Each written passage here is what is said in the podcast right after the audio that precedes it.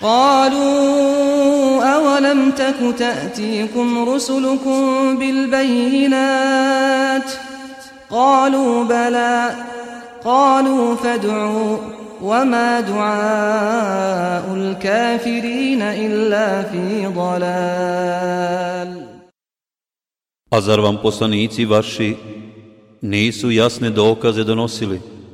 Upitaće oni. Jesu. odgovorit će. Molite onda vi, reći će oni. Ali će molba oni koji nisu vjerovali uzaludna biti.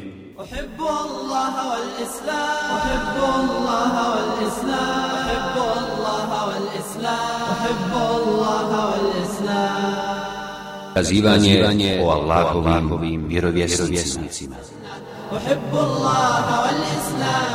Kazivanje o Sadiku, Saduku i Šelumu, alaihimu selam.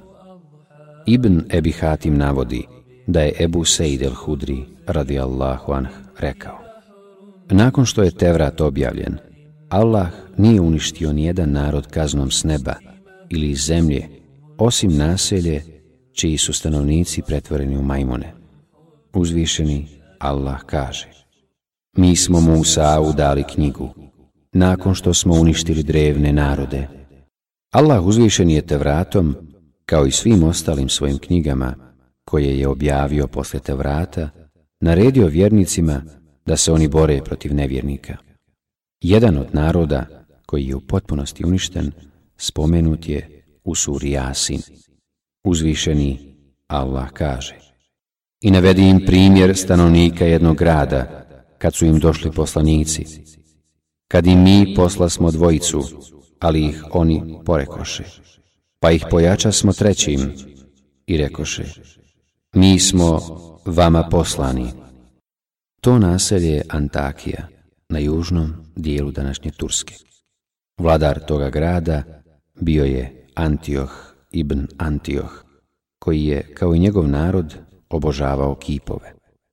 Allah uzvišen im je poslao dva poslanika, ali ih oni porekoše. Ne povjerovaše im i u laži ih utjeraše, pa ih je Allah uzvišeni pojačao i učvrstio u poslanstvu sa trećim. Ti poslanici su Sadik, Saduk i Šelum. Njih trojica im rekoše.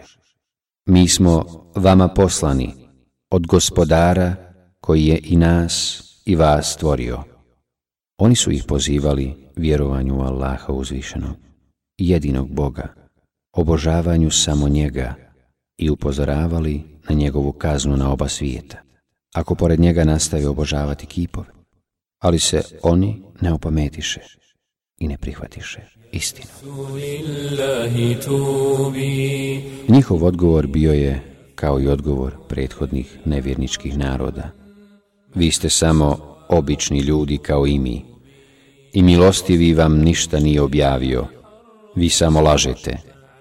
Smatrali su nemogućim da Allah uzvišeni kao vjerovjesnika pošalje čovjeka. Gospodar naš zna da smo doista vama poslani, rekoše oni i dužni smo samo da jasno obznanimo. Oni su Allahove poslanike njima ignorisali riječima. Osjećamo da ste baksuzni. Vaš dolazak smatramo lošim predznakom. ako nas zadesi kakva nevolja, bit će to zbog vas. A nakon toga su im zaprijetili riječima.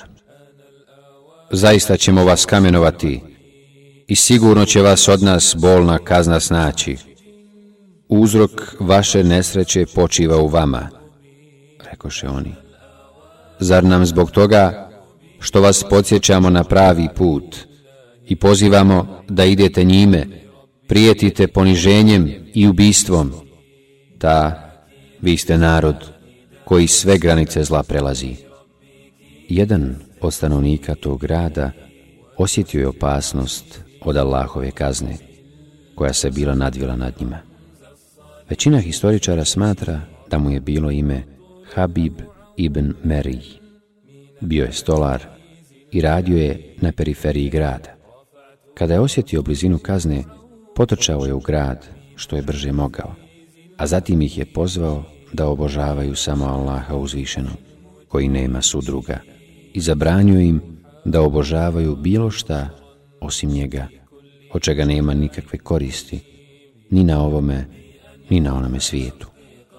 U tom momentu, kad su stanovnici grada naumili ubiti poslanike, on stiže i pozva svoj narod slijedjenju Allahovih poslanika.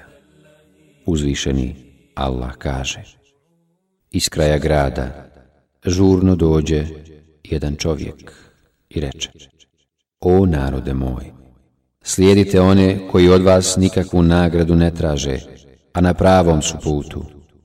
Zašto ja ne bih obožavao onoga koji me je stvorio, a njemu ćete se vratiti? Zar da umjesto njega prihvatim druge bogove? Ako milostivi hoće da me snađe kakvo zlo, njihovo zauzimanje neće mi biti ni od kakve koristi i oni me neće moći spasiti. Ja bih zaista tada bio u očitoj zabludi. Zatim se Habib, ibn Meri obratio poslanicima riječima. Ja vjerujem u vašeg gospodara, pa čujte mene, kako biste posjedočili kod vašeg gospodara da vjerujemo Allaha, jedinog Boga, i da vas slijedim u istini. Nakon što je to rekao poslanicima, njegovi su narodnjaci saznaše za njegov iman. Nasrnuli su na njega, oborili ga na zemlju i počeli ga nogama gazati. Nije bilo nikoga da mu pritekne u pomoć. Udarali su ga sve dok mu nije počela na usta izlaziti, a on je govorio, Bože, uputi moj narod, jer oni ne znaju.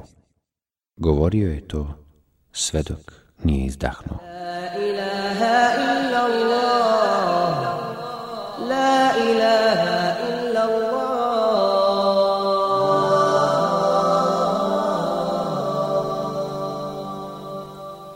ديننا ديننا دين عز وجلال ديننا ديننا دين عدل وكمال ديننا ديننا دين عز وجلال ديننا ديننا دين عدل I bi rečeno, uđi u džennet. A on reče, kamo sreće da narod moj zna, zbog čega mi je gospodar moj oprostio i lijep mi prijem priredio. Ibn Ebi Hatim navodi da je Ibn Abbas Allahu anh rekao Savjetovao je svoj narod za života riječima O narode moj, slijedite poslanike, a nakon smrti reče Kamo sreće da moj narod zna zbog čega mi je moj gospodar oprostio i lijep mi prijem priredio. Ovim je izrazio svoju veliku želju da njegov narod sazna kakvu je Allahu počast doživio i da vidi u kakvom se stanju nalazi, kako bi povjerovali i počeli slijediti poslanik. Neka mu se Allah smiluje i neka bude njime zadovoljan. Koliko je samo žudio da njegov narod krene pravim putem.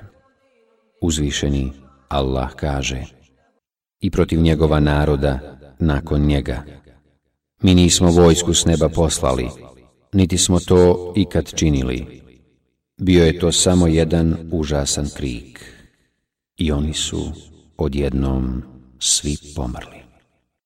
Fesiri kažu, Allah im je poslao Meleka Džibrila, pa je on uzeo za dovratnike kapije na njihovom gradu i prema njima je ispustio samo jedan krik, pa su svi pomrli. Spuštanje vojske s neba protiv njih nije bilo potrebno jer je njihovo uništenje veoma jednostavna stvar. Samo od jednog krika oni su odjednom svi pomrli. Njihovi glasovi su utihnuli i pokreti se umirili, tako da nije ostalo ni jedno oko da trepče.